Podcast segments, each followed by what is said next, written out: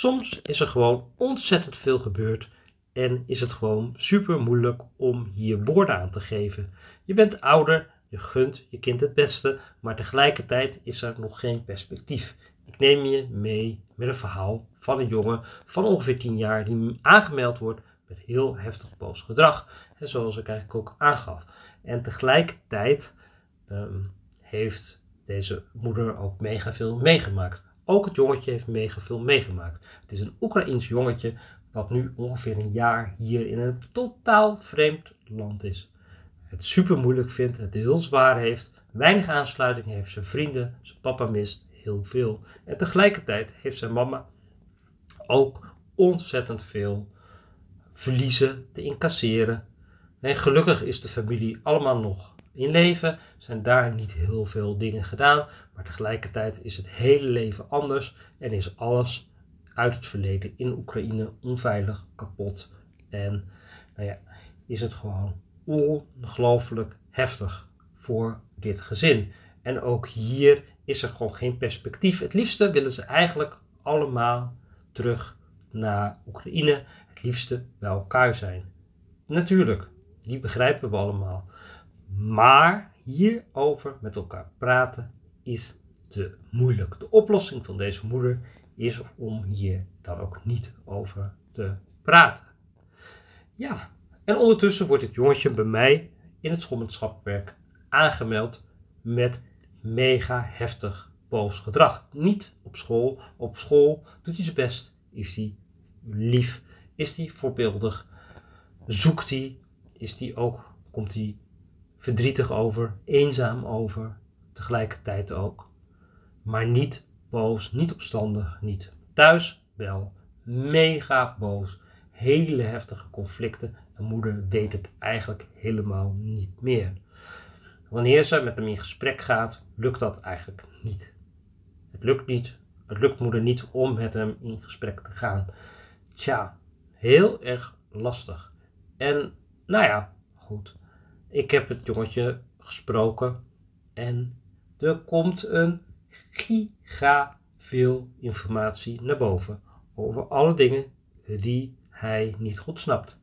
Hij is zomaar op een dag meegenomen uit Oekraïne. Ehm, papa en mama nou, hebben afscheid van elkaar genomen. Dus papa heeft hij daarna niet meer gezien. Uh, natuurlijk wel via e-mail en uh, um, videobellen. Uh, dat kan allemaal hartstikke prima. maar fysiek niet meer. Heel veel familie mist hij, vriendjes, school. Nou, is eigenlijk zijn hele routine. Die is hij natuurlijk eigenlijk helemaal kwijtgeraakt. En ja, hoe hebben deze ouders dat dan zo aangepakt? Dat is natuurlijk ook wel echt interessant. Um, ja, hoe pak je dat aan? Je weet het niet, hè? Het is een crisissituatie en ja, um, hoe pak je dat aan? Op een gegeven moment is het moment tijd om te gaan. En hoe leg je het dan de kinderen uit? Er helemaal geen tijd om uit te leggen hoe het gaat. En dat was hier ook helemaal niet. En papa en mama die hebben in feite eigenlijk gewoon gezegd van mama van kom mee, pak je tas en we gaan een stukje rijden. En ja, wanneer komen we dan terug? Ja, voor één week, nou een paar maanden misschien, zo.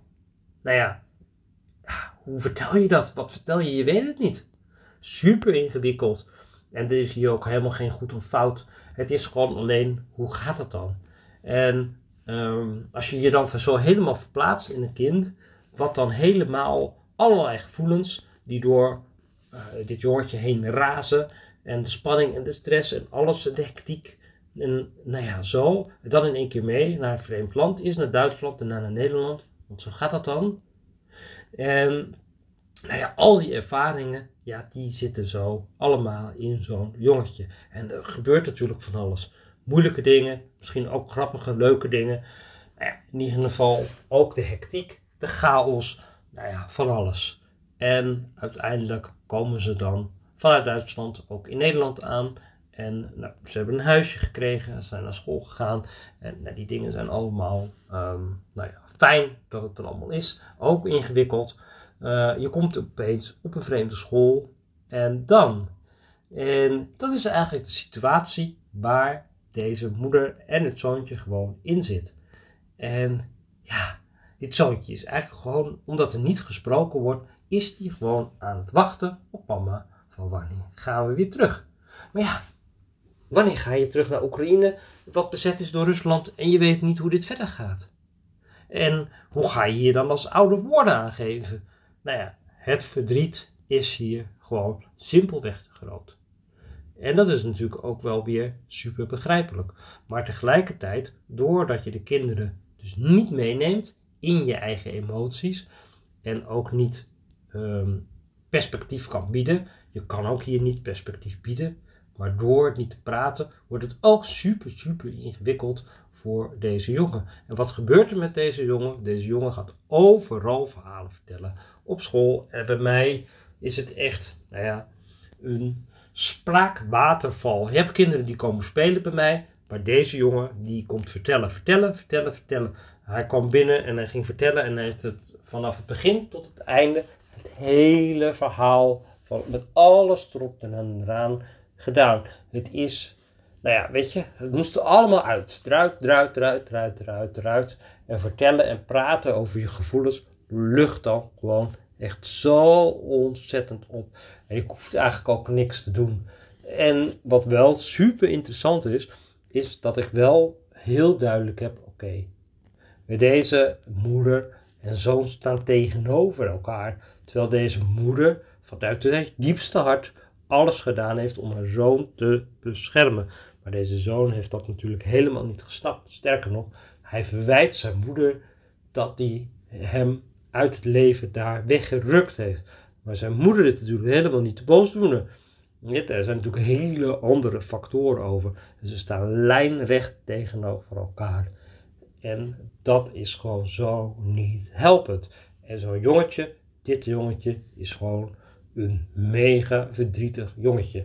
Als je het boek alleen op de wereld zou willen schrijven, dan zou dat passen. Want wat is hier nu gebeurd? De moeder staat helemaal alleen. Die heeft nauwelijks verbinding. Verder is eigenlijk aan het wachten om terug te gaan. Nou, die wachten kan heel lang duren. Maar daarmee is het leven van dit jongetje staat ook stil. En die staat ook in de wacht. Samen staan ze in de wacht. Alleen, ze praten daar niet met elkaar over. Nee, ze staan allebei apart. Alleen. Verdrietig. En ze hebben ook het gevoel van, hé, hey, we snappen elkaar niet. Terwijl, als je in de bredere context ziet, zijn er zoveel lijnen.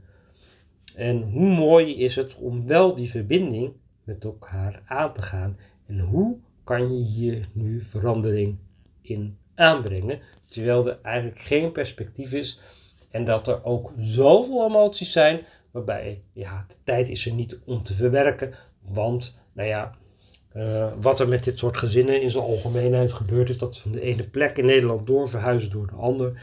Je kan nergens opbouwen.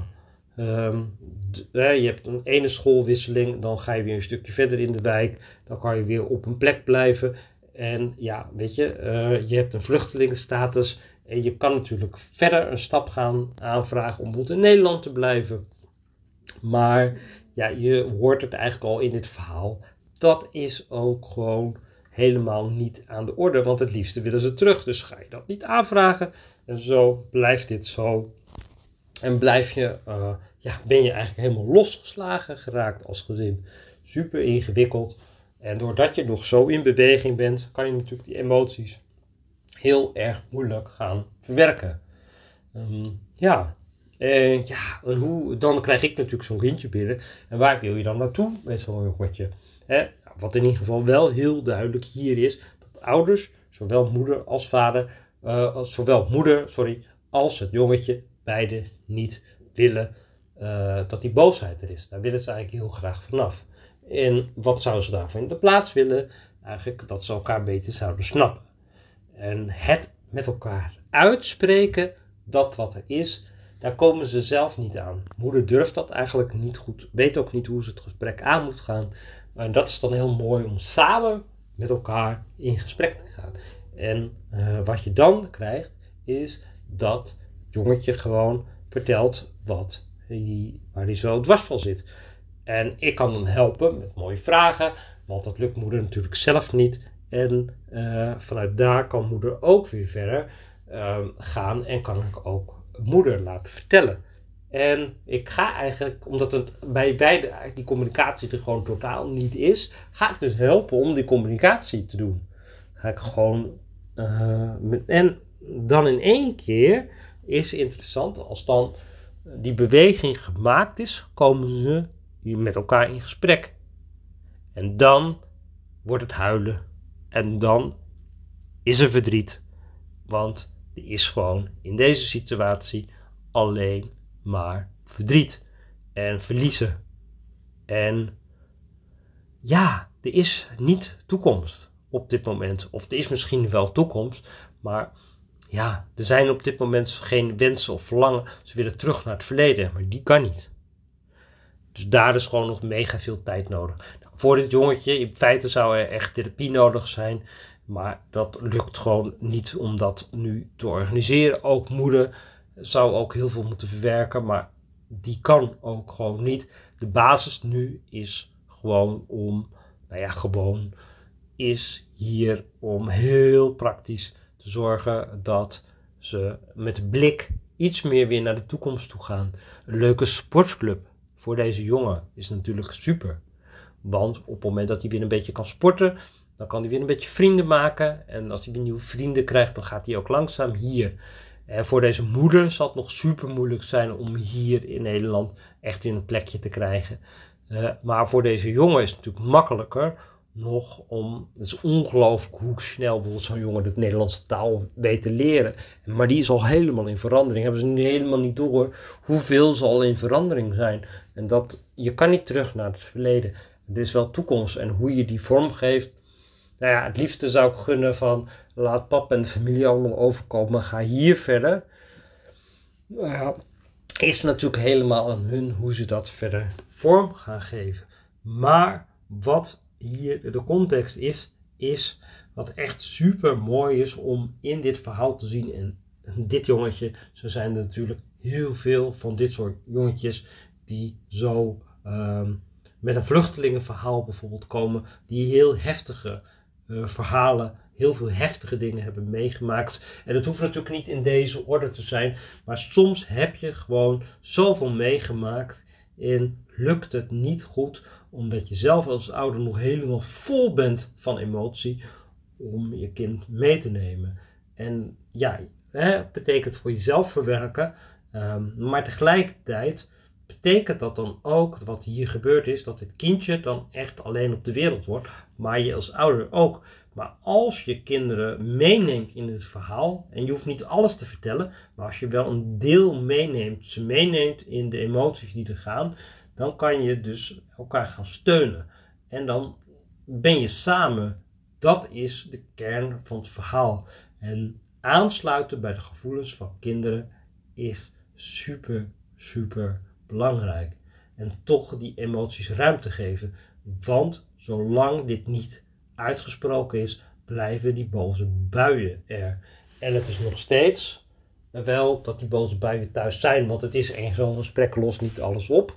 Maar het is wel een begin dat deze jongen nu weet van hé, hey, mama is niet tegen me, maar we zijn samen en we hebben zelf samen pijn. En dat is wel echt super interessant. Ehm, en hij heeft begrip voor mama gekregen. Dat is ook mooi. dus ze zijn meer samengekomen en nog steeds is het ook een jongen die af en toe doet. En het beste zou zijn dat die traumabegeleiding uh, zou gaan krijgen. En dat is natuurlijk een beetje ingewikkeld hoe we dat gaan inschakelen. Hè, dat is vaak in het werk heb ik heel veel kinderen die traumabegeleiding zouden moeten krijgen. Maar ja, dat de, de begeleiding vanuit de GGZ eigenlijk zo ingepakend, ingekapseld is, dat het bijna godsonmogelijk is om die kinderen daar te krijgen. Uh, terwijl we hier, nou ja, als er iemand hulp nodig heeft, dan is het dit gezin. En dan ook systemisch, denk ik ook. Maar goed, dat, um, dat zijn nog bruggen te ver. Uh, de behoeftepyramide van Maslow vind ik altijd zo uh, richtinggevend.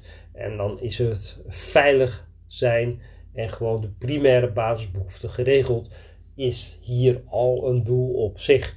En dan sluit een lekkere sportclub gewoon je ding doen dat sluit dan veel beter aan. Maar ook over die dingen praten ze eigenlijk niet. Doordat er zoveel conflicten zijn, kunnen ze het ook over de gewone dagelijkse dingen nagenoeg bijna niet meer hebben. Dat is gewoon sneu. Dat is echt wat ik ze anders gun. Het mooie is, dus door zo'n gesprek te doen, dat is echt mooi. Als hulpverlener kan je echt die brug vormen. Ehm, en ik moet zeggen dat ik heel vaak gesprekken heb met ouder en kind, waarbij ouders, waarbij de kinderen aan hun uh, ouder bijvoorbeeld vertellen dat ze het zo moeilijk vinden dat ehm, papa en mama bijvoorbeeld de stem verheffen of dat er veel ruzies is of dat en dat ze dat vertellen. En het mooie is dan dat dan vaak gebeurt in zo'n gesprek dat beide vol schieten en dat het eindigt met hele dikke knuffels. En ja, dat is die verbinding. Dat is prachtig als dat gebeurt. En dan denk ik weer, oh ja, weet je, dan ben ik ook zo blij weer dat ik dit werk kan doen. En dat ik dan zo'n stapje kan doen. En zo het samenbrengen, heel gewoon samenbrengen en gewoon praten over dat wat je dwars zit. En daar de kinderen en de ouders bij helpen en ze de woorden geven, is super mooi. En ik denk met zulke dikke knuffels ook mooi om zo deze podcast te eindigen. En ja, misschien denk je ook van, oh, ik wil ook wel een begeleidingstraject bij jou. Sander, info jeugd- en kinderpraktijk rota.nl. Daar vind je natuurlijk, oh dat is mijn mailadres en daar kan je natuurlijk een mailtje naar sturen op www.jeugd- en kinderpraktijkrota.nl. Daar kan je alles lezen, mooie podcasts, uh, onder andere, maar ook mooie e-books die je over allerlei onderwerpen kan downloaden. En natuurlijk mijn online programma's. Nou ja, wil je daar meer over weten? Ga daar dan ook zeker even op kijken. Dan wens ik je voor nu een hele fijne dag.